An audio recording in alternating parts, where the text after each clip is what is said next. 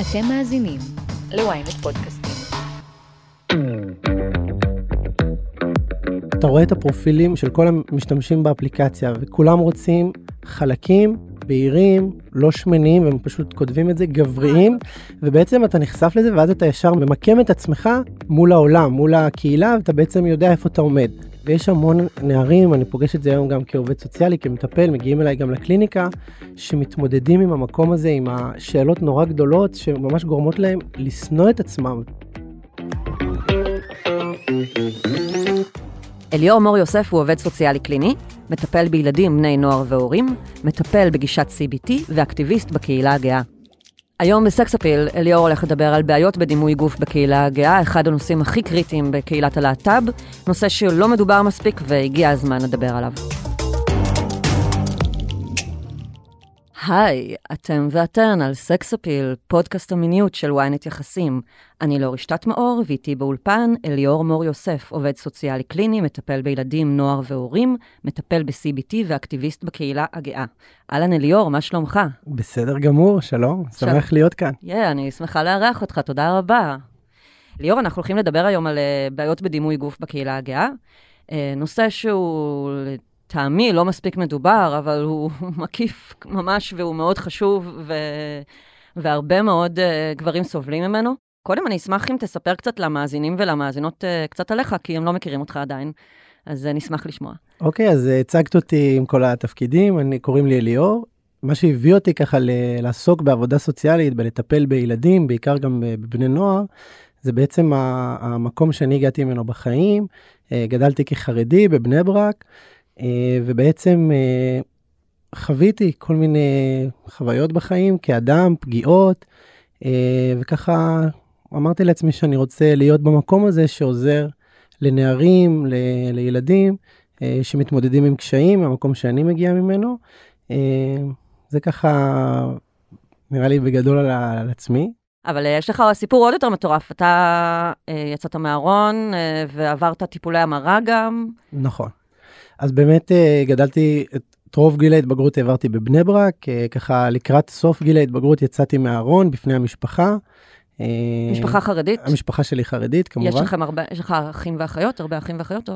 זהו, אנחנו משפחה חרדית לא כל כך טיפוסית, יש לנו, אנחנו ארבעה, 아. כאילו לא כל כך אה, כמו כולם. אה, אז באמת, כשיצאתי מהארון, ניסו לחתן אותי, שלחו אותי לטיפול המרה, ממש. אה, וואו. אה, זה היה מאוד מורכב, והיום אני מה, ככה... מה, בשידוך כזה? בשידוך, בהפעלה של לחץ, כאילו הרבה פעמים מנסים כמה שיותר מהר אה, לחתן. אה, כדי שלא ייכנסו שטויות לראש למתבגר, עושים את זה גם עם בנות לפעמים, לצערי. וכמובן שלא נתתי לזה לקרות, הייתי בטיפול המרה בתקופה ארוכה. ו... וואו, אצל רב שניסה להמיר אותך? פסיכיאטר כזה? לא, לא, אצל רב שהוא כזה עוסק בנושא הזה, ובעצם גם בטיפול ככה הבנתי כמה המקומות הרגישים בנפש שלנו, כמה הם פגיעים נראה לי, וכמה זה השפיע עליי הטיפול הזה. ככה החלטתי לעשות שינוי ולהיות במקום הטוב שעוזר לנערים שמתמודדים עם קשיים, גם מהקהילה הגאה. וכמובן אני מקווה שהטיפולים האלה יוצאו מחוץ לחוק, כמו במדינות אחרות. טיפולי המרה כאמור. טיפולי המרה, שהם לא באמת, עובדים, כן. הם נוראים מאוד, הם רק גורמים סבל. וואו. כן. אני לא יכולה בכלל לדמיין לעצמי את התחושה הזאת. הרי אדם שהוא סטרייט, הוא יודע שהוא סטרייט, אף אחד לא יכול להמיר אותו להיות גיי, כאילו... נכון. אז... כאילו כל המטרה של הטיפול היא באמת לשנות אותך למשהו שאתה לא יכול להשתנות אליו, אז נורא. וואו. אנחנו נדבר היום על, באמת על דימוי גוף בקהילה הגאה. איפה הנושא הזה פוגש אותך אישית אה, כ- כאדם, ואיפה הוא פוגש אותך כאיש מקצוע? אז קודם כל, אני חושב שהוא פוגש את כולנו, אני מדבר כרגע על גברים, אני בטוח שגם לנשים, מדבר על החוויה האישית שלי. כל חברי, כל הגברים, הביסקסואלים, ההומואים, וכל המנעד הזה, בעצם זה פוגש אותנו כשאנחנו ככה נערים צעירים, יוצאים מהארון, מתחילים לחקור את הסביבה, את העולם, ובעצם אנחנו חיים בתרבות, ונחשפים יותר נכון לתרבות שבעצם מלמדת אותנו מה, מה טוב ומה פחות טוב בכל תחומי החיים וגם כמובן בנושא של דימוי גוף. וכשאני יצאתי מהארון הייתי אמרתי לך יצאתי מה סיפרתי יצאתי מהחברה החרדית כשאני יצאתי מהארון בעצם הגעתי לאפליק, לאפליקציות ההיכרויות לאטרף לגריינדר מי שמכיר מכירה. שזה בדרך זאת הדרך הסטנדרטית להכיר היום. נכון, בקהילה הגאה כן, מאוד נפוץ, זה אפליקציות שבאמת המטרה שלהם זה להכיר לצור, למין כאילו מזדמן, אבל גם יש כאלה שמחפשים שם קשרים רציניים וכאלה. אה, היום יש גם קצת טינדר, אז עוד לא היה כשאני יצאתי מהארון. ובעצם ישר הבנתי שם ככה, אה, אה, אתה רואה את הפרופילים, את הכרטיסים של כל המשתמשים באפליקציה, וכולם כזה כותבים, אני הייתי בחור שגרתי, זאת אומרת סטנדרטי, לא איזה משהו מיוחד, אה, וכולם רוצים לרוב חלקים, אה, בהירים, לא שמנים, והם פשוט כותבים את זה, גבריים. אה, הם כותבים מחפש גבר חלק שרירי ומצויד. ומצויד, כמובן. מצויד זה כאילו בעל איבר מין גדול. נכון, אה, נכון, mm. נכון, זה כאילו האידיאל אם תרצי, ובעצם אתה נחשף לזה ואז אתה ישר מבין, אוקיי, רגע, אז יש לי את זה, אבל את זה אין לי ואת זה כן, ואתה כאילו ממקם את עצמך ל- ל- מול העולם, מול הקהילה, ואתה בעצם יודע איפה אתה עומד. אה, ויש המון נערים, אני פוגש את זה היום גם כעובד סוציאלי, כמטפל, מגיעים אליי גם לקליניקה, שמתמודדים עם המקום הזה, עם השאלות האלה, של יש דברים שאנחנו לא יכולים לשנות. בסדר, אם אנחנו טיפה מלאים, אולי יש כאלה שעושים ספורט, קצת שרירים, חדר כושר, אבל יש דברים שאנחנו לא יכולים לשנות, אה, לפחות לא בצורה סטנדרטית, צבע עור, לא יודע מה, דברים כאלה. ובעצם... אה, אה, זה- אגב, גם היום אומרים, גם לגבי שומן אומרים היום שזה קשור במטאבוליזם, זה קשור בחיידקי מעיים, נכון. וזה הרבה, זה לא תעשה דיאטה והנה אתה רזה. לגמרי, לגמרי, נכון, נכון מאוד. אז באמת הם מתמודדים עם שאלות נורא גדולות שממש גורמות להם לשנוא את עצמם, ופשוט יש כאלה ש... והם נראים רגיל, הם נראים סטנדרטים, אוקיי? הם לא עכשיו איזה, לא יודע מה. אה, והם בעצם מתמודדים עם השאלה הזאת של איך אני נראה מול העולם, אותה שאלה שגם לי הייתה, אה, ובעצם הנושא הזה הוא מעסיק מאוד, אני חושב שלא מדברים עליו מספיק, ובקהילה הגאה הוא נפוץ מאוד. אה, במיוחד אה, ככה שיש עיסוק מאוד מוגבר במיניות, שזה דבר מבורך בעיניי, אני בעד פתיחות מינית כמובן, אבל איך אומרים, אנחנו צריכים ככה לבדוק, אני קורא לקהילה הגאה אולי באיזושהי קריאה ביקורתית קצת, לבדוק מה קורה אצלנו בבית, נקרא לזה. אתה גם מטפל בעיקר בילדים ונוער, נכון. אז בטח אצל ילדים ונוער זה עוד יותר בולט, אם הם ילדים שבארון, או ונערים שבארון. נכון, באמת הם אה, לא יכולים ממש אה, להיחשף הרבה פעמים בכל מיני מקומות אחרים, הרבה פעמים הם מתביישים, והמקום היחיד שבו הם מרשים לעצמם לי, להביא לידי ביטוי את מי שהם, זה באמת באפליקציות היכרויות. ושם הרבה פעמים, גם שם הם לא מתקבלים בעצם. זאת אומרת, העולם, הם מרגישים שהם לא יכולים להתקבל מההורים, מהסביבה, וגם באפליקציית היכרויות, שזו הפלטפורמה לפעמים הראשונה שהם פוגשים. אה, ואז שם הם מבינים, אוקיי, אז אני שעיר. אז אני לא, לא מתאים, ורוב האנשים לא, אה, אז עכשיו לא ירצו אותי. אז לא ירצו אותי, ואני לא שווה, ואיך אני אמצא אהבה, וכל מיני דברים, שהרי ברור שאפשר למצוא אהבה גם אם אתה שעיר, ו- זאת אומרת, אבל יש איזשהו מצג כזה, איזשהו, איזושהי אשליה כזאת, שהרוב, שכאילו ברור מה הרוב, מה טוב ומה לא טוב, מה הרוב אוהבים. אה, וזה בעייתי מאוד. וואו, ואז אדם בעצם עומד מול איזשהו סטנדרט יופי בלתי מושג כזה, ואומר, איפה אני נמצא פה, ו- ומה זה עושה לו? זאת אומרת, איזה תחושות יכולות להיות, ל... בייחוד לנערים צעירים, כשהם מרגישים שהם לא עונים על מודל היופי הזה? קודם כל זה גורם להם לשנוא את עצמם, ברמה הכי בסיסית, להגיד אני לא שווה כלום, חבל שאני נראה ככה, איזה גרוע אני, וממש מחש... אמירות שאם היינו אומרים את זה, אם היו אומרים את זה עלינו היינו נורא נפגעים, אבל הם אומרים את זה על עצמם. אה, וגם בעצם לחוסר ביטחון, הם פשוט מתחילים, הם מרגישים על הפנים, הם מרגישים שהם לא שווים כלום, ואז הם פשוט הולכים עם ראש על אה, ככה אה, מכופף ומבט לרצפה, ובעצם לא, לא, לא מרגישים שמי שהם זה בסדר, איך שהם. לא מרגישים בנוח להוריד חולצה בים למשל, שזה משהו שאני פוגש אותו לא מעט. אה, ככה אה. קוביות וכל הסוגיה הזאת. וואלה. האורך נכון. של האיבר מין גם הרבה פעמים אה, ככה מעסיק מאוד את כל המתבגרים לדעתי, אגב, לא רק מהקהילה כן? הגאה, אבל גם אה, מאוד בקהילה הגאה.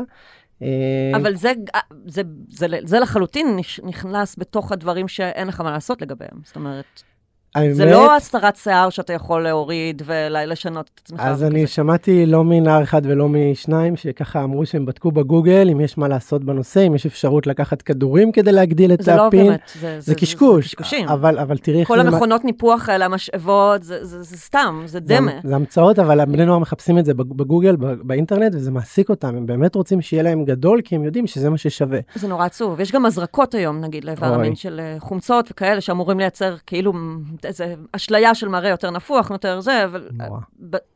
איך, איך גורמים לבאמת נער כזה שהוא אה, לא אוהב את עצמו והוא, והוא מרגיש כזה פגום? מה עושים?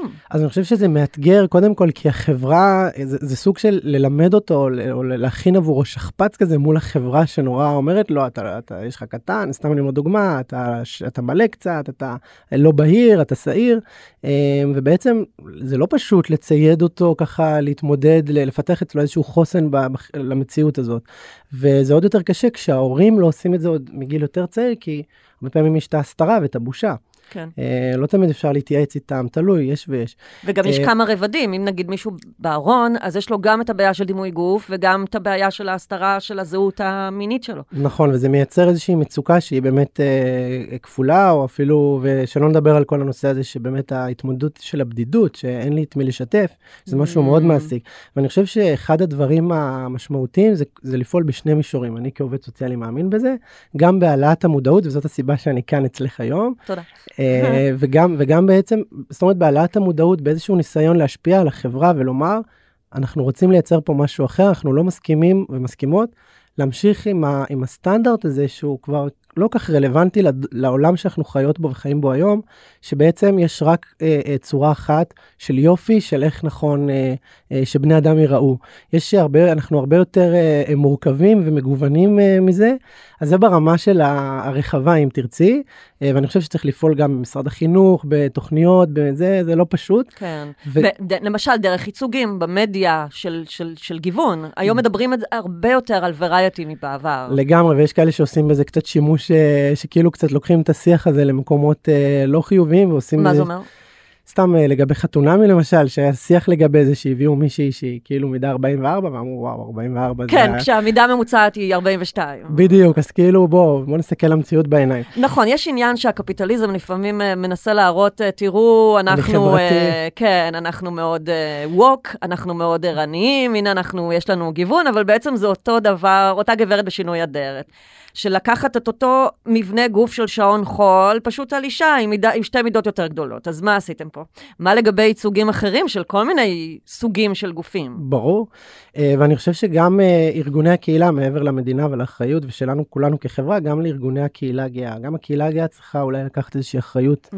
אה, על עצמה, נקרא לזה, ולומר, אנחנו לא מקבלות ומקבלים את זה יותר, אנחנו רוצות מגוון, אנחנו זאת המציאות, לא, לא מה שבאפליקציות ומה שבני הנוער ובנות הנוער אה, נחשפים, ונורא התרגשתי לראות בתקופה האחרונה שיש פרסומות של כל מיני ארגונים מהקהילה הגאה, שבאמת מראים קצת יותר, אה, מראות קצת יותר איזשהו אה, מגוון אה, יותר רחב, אבל יש עוד דרך ארוכה לעבור.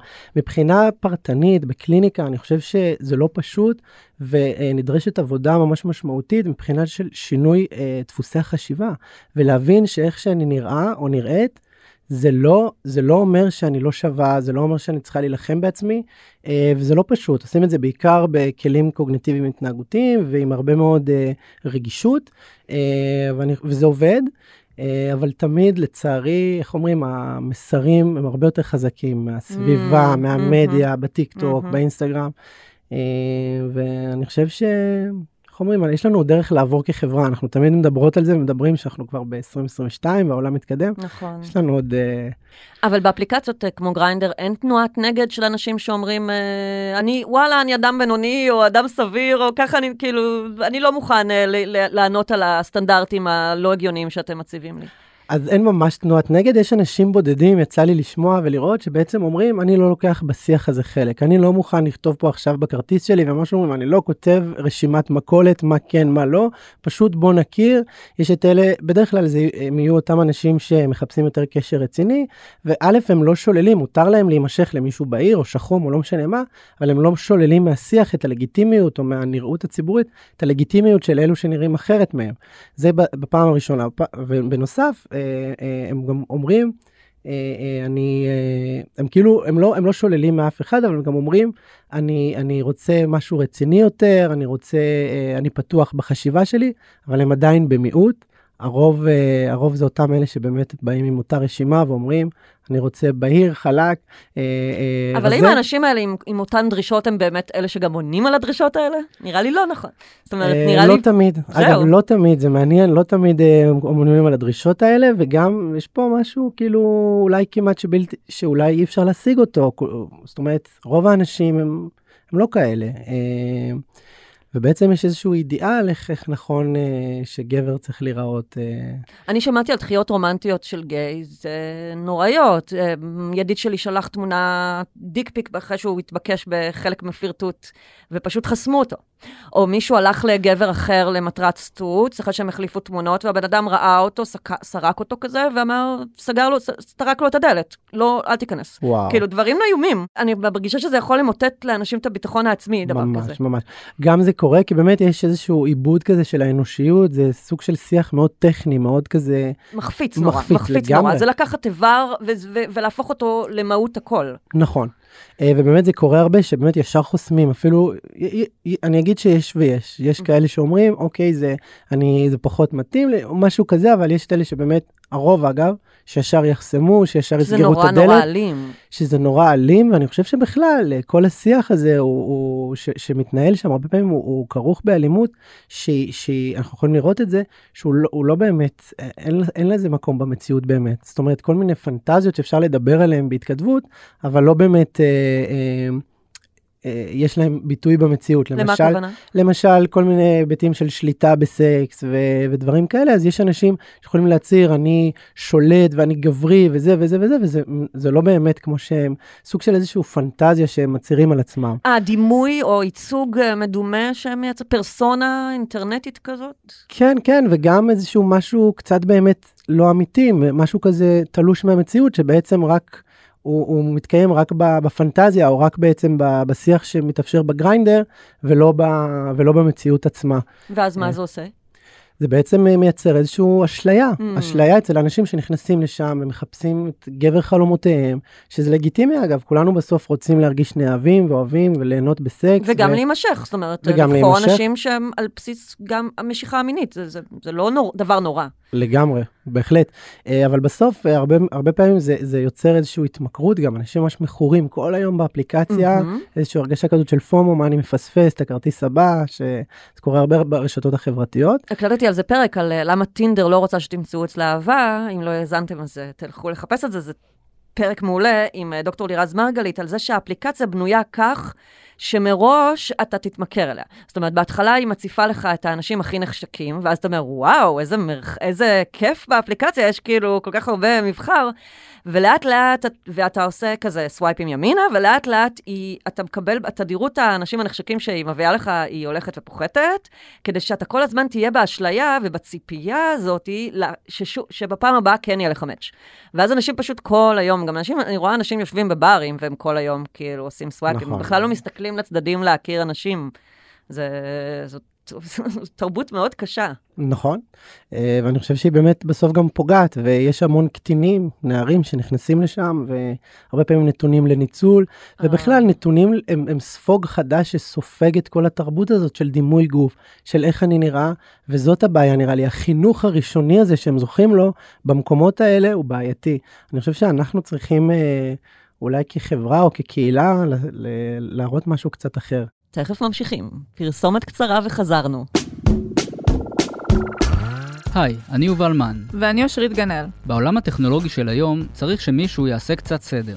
הצטרפו אלינו לרפרש, פודקאסט הטכנולוגיה של ynet. בכל שבוע נדבר על מה שחדש ומעניין בעולם הדיגיטלי. רשתות חברתיות, גאדג'טים, המצאות חדשות, וגם הפוליטיקה של חברות הענק. חפשו רפרש בוויינט או באפליקציית הפודקאסטים שלכם.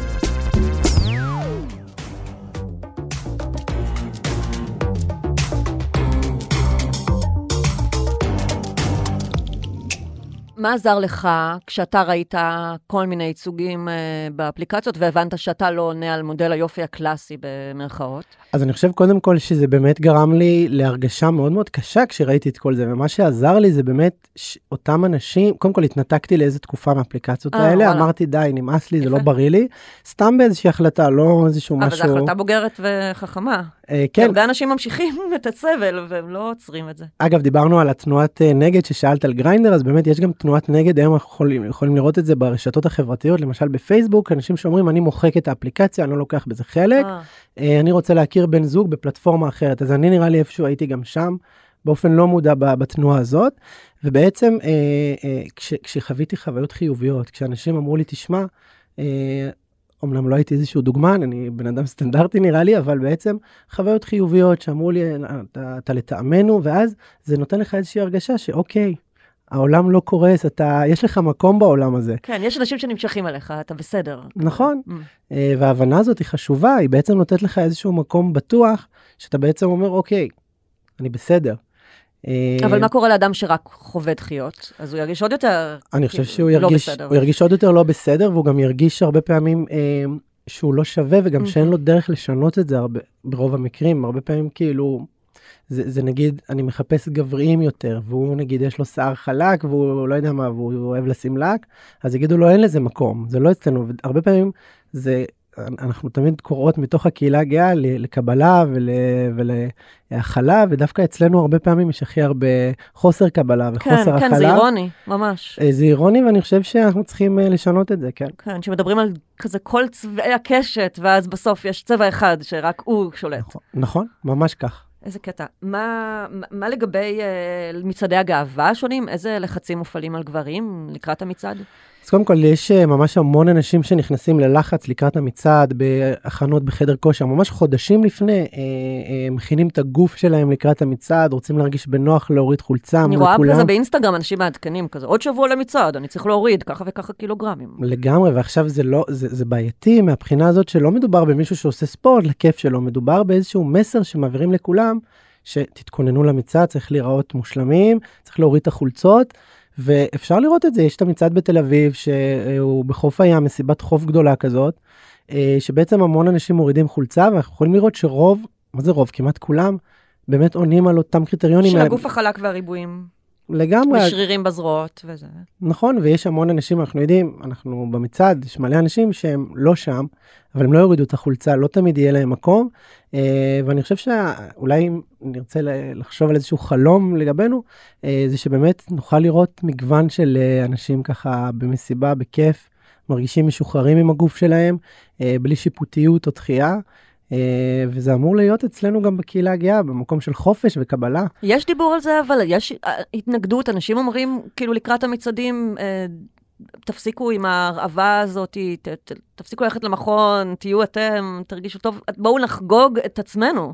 אז אני... זאת המהות, נראה לי, של המצעד. אנחנו פה, אנחנו נוכחים, אנחנו חלק מהקהילה, אנחנו הולכים בתוך העיר, זה, בשביל זה המצעדים האלה. נכון, נכון מאוד, ואני חושב שבאמת ה, ה, יש, זה, זה, זה נמצא אצל אנשים בודדים, אני יכול לשמוע את זה מפרטים נפרדים שאומרים, אני מתאמן ודי כבר עם, ה, עם, ה, עם הדימוי גוף הלא ריאלי הזה, או המודל יופי הזה שכל הזמן אנחנו אה, אה, מפנטזים עליו, אבל אנחנו יכולים לשמוע את זה מאנשים ספציפיים ולא כאיזושהי קריאה או איזושהי Mm. התארגנות, אה, והרוב הוא שולט, אין מה לעשות, הרוב הזה שבאמת מעביר לאותם בני נוער ובנות נוער, איפה כדאי להם להיות. עד, עד כמה נפוץ הנושא הזה של אה, הפרעות אכילה בקרב צעירים ובני נוער בקהילה הגאה? אז קודם כל, יותר ממה שחושבים, הרבה פעמים נהוג לחשוב שזה באמת אצל נשים, ובאמת אצל אה, נשים ובנות בעצם יש אה, אחוזים יותר גבוהים, אבל גם אצל גברים יש, וגם אצל בני נוער אה, מהקהילה הגאה ולא רק, שבעצם יש כל מיני סוגים, יש את אלה שכל היום בכושר, יש את אלה שעושים דיאטות, יש את אלה שכל היום עסוקים, שוקלים את עצמם הרבה בצורה קצת אובססיבית, ובמקרים חריגים יותר זה יכול להגיע גם לאלה שכבר מתחילים להקיא. אה, מתחילים אה, לוותר על ארוחות, לפספס, ואז כבר אה, נדרשת התערבות מקצועית. גם, שוב, הרבה פעמים יש התנגדות. אותם בני נוער אומרים, עזבו אותי, אני רוצה לרזות, מה אתם מחליטים? אני רוצה להיות רזה. בצורה קיצונית מאוד כמובן, זה כבר משהו שהוא... זה באמת המקום של ההשפע... הבעיות החברתיות אה, אולי שמשפיעות על האנשים ברמה הפרטית בסוף. אנחנו יכולים לראות את זה, איך התהליכים החברתיים משפיעים בסוף על ה... מחלחלים פנימה. מחלחלים לגמרי ופוגעים בסוף באנשים, אנחנו רואים, זה מוביל לפגיעות עצמיות לפעמים, אה, ו- וזה גורם להרבה מאוד סבל.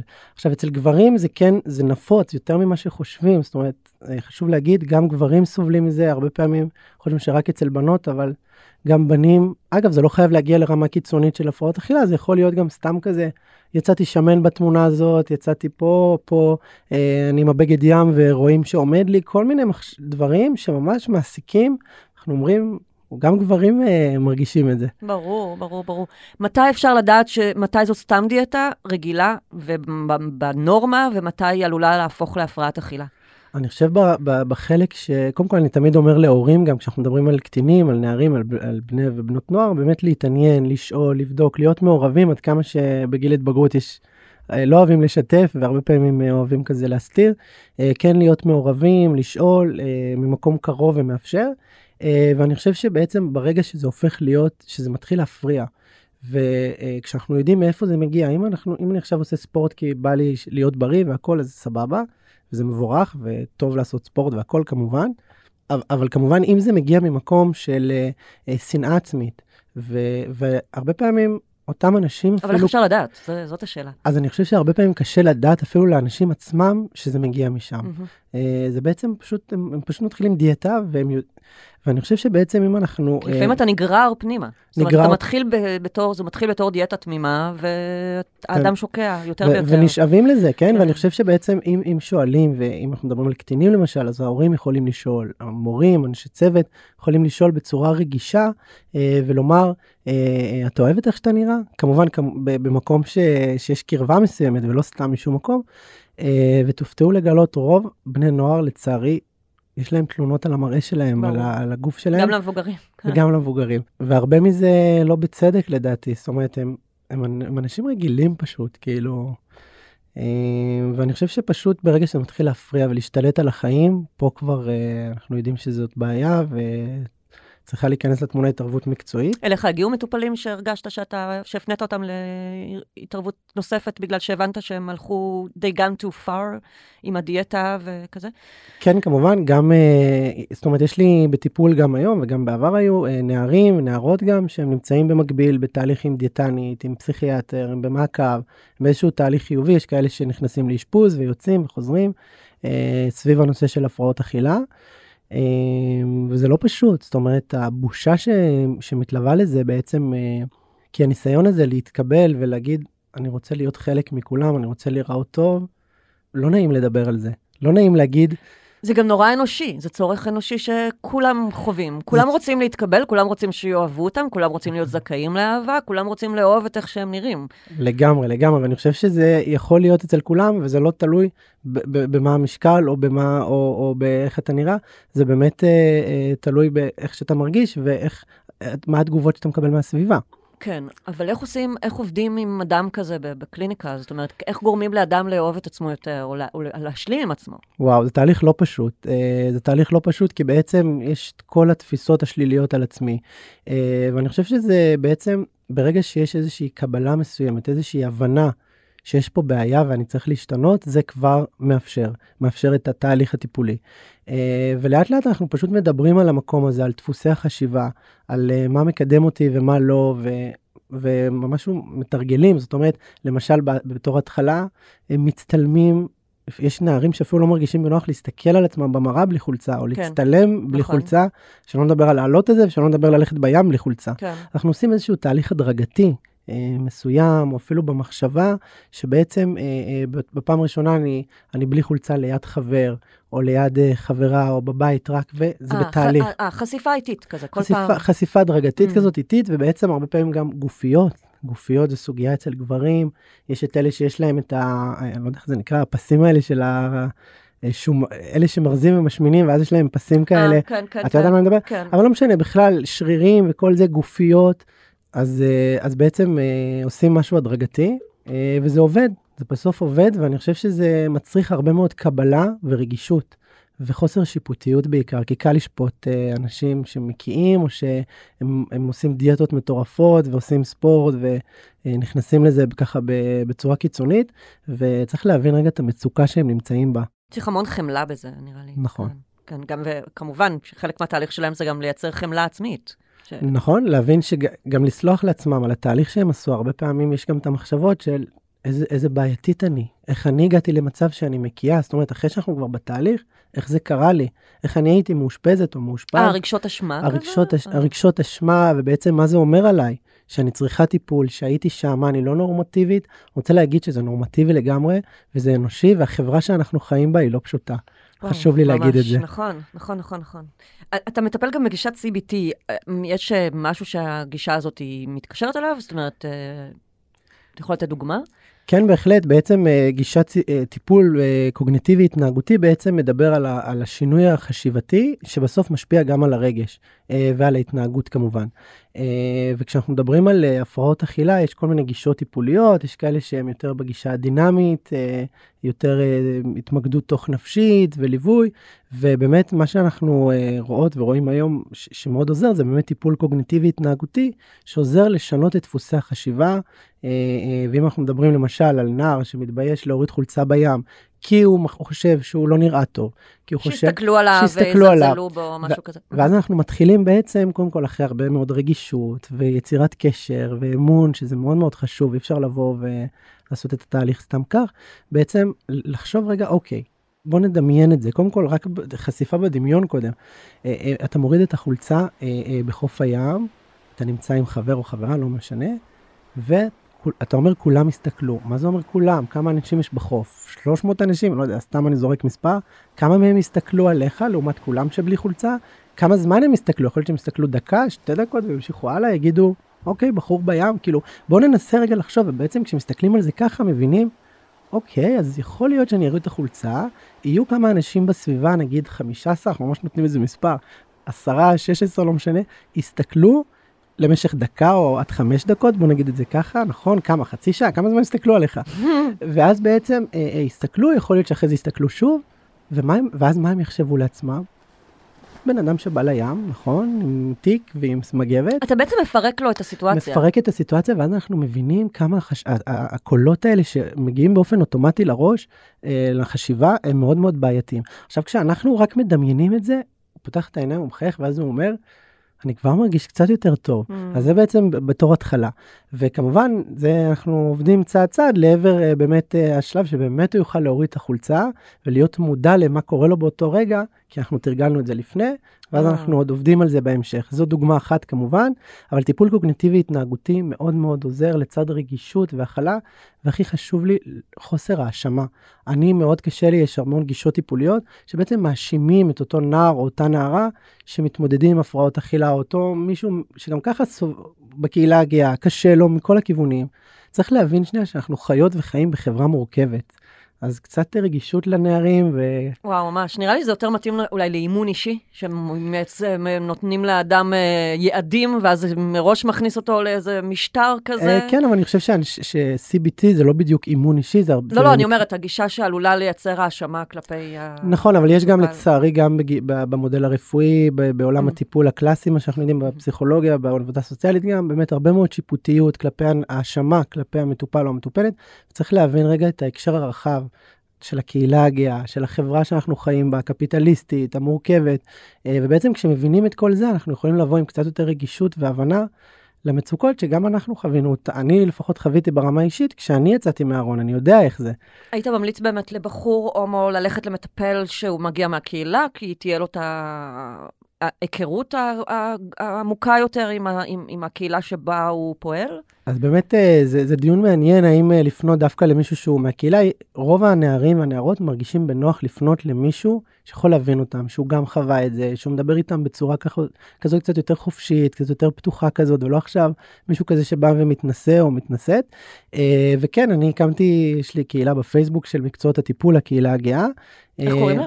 מקצועות הטיפול לקהילה הגאה, זאת, זאת הקהילה, זאת הקבוצה, אה, ובעצם אה, אה, יש פניות רבות של, יש מטפלות מעולות ומטפלים מכל הארץ, ש, שמחפשים דווקא הבנה והיכרות של אנשים מתוך הקהילה הגאה. וזה מצריך איזושהי חשיפה אישית גם, כי אתה בעצם בא ומספר גם לנער שפונה אליך, הוא יודע שאתה הומו, הוא יודע ש... אתה יכול להגיד לו, אני, אני הרבה פעמים אומר, אתה יודע שגם אני חוויתי את זה, גם אני הייתי באטרף, זאת אומרת, אני לא... יש כל מיני גישות בעולם הטיפול, אבל אני מאמין שזה באמת מייצר קרבה ופתיחות, וגם איזושהי הבנה שזה לא, הוא לא לבד עם זה. לסיום, מה תייעץ לגבר או נער שמאזינים לנו עכשיו ולא אוהבים את איך שהם נראים ומרגישים רע עם עצמם ושהם לא מספיק טובים ולא מספיק מוצלחים ומי ירצה אותם בכלל? וואו, אז קודם כל, קודם כל יש הרבה כאלה, אני בטוח, ואני רוצה שהם ידעו שהם לא לבד. באמת שיש המון אנשים שזה עולה להם בראש, גם אנשים שהם מכירים, שבסביבה שלהם, שיבינו שזה לא משהו שהם מתמודדים, שרק הם מתמודדים איתו, זה בפעם הראשונה. אה, בנוסף, שיבינו שהם בסדר איך שהם, עם כמה שזה יכול להישמע קלישאה, הם, אתם באמת בסדר. זאת אומרת, יש לכם מקום בעולם, יש אנשים שיאהבו את איך שאתם נראים, גם אם אתם שוקלים 150 קילו, אני לא יודע, גם, גם אם אתם אה, לא שריריים, שעירים, שחומים, זה לא משנה, יש לכם מקום, גריינדר, אטרף ושאר הפלטפורמות, הם לא, ה... הם אולי נרא... נראות הרוב, וגם מצד הגאווה בתל אביב, אבל זה לא הרוב, החיים האמיתיים הם הרבה יותר אה, אה, מגוונים, ואתם חלק מהם ויש לכם מקום.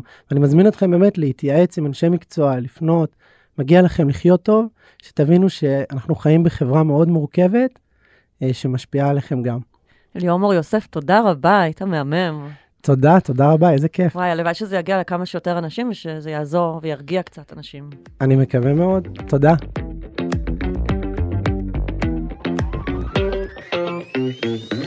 עד כאן סקס אפיל. מוזמנות ומוזמנים לעקוב אחרינו בוויינט, ספוטיפיי או באפליקציית הפודקאסטים שלכם. נשמח מאוד שתדרגו אותנו באפל ובספוטיפיי, ואתם יותר ממוזמנות ומוזמנים להצטרף לקבוצת הפייסבוק שלנו, סקס אפיל הפודקאסט, הקבוצה לדיונים, ולספר לנו מה חשבתם על הפרק. עורך הפודקאסטים הוא רון טוביה, על הסאונד גיא סלם. אני לאור רשתת מאור, נשתמע בפעם הבאה.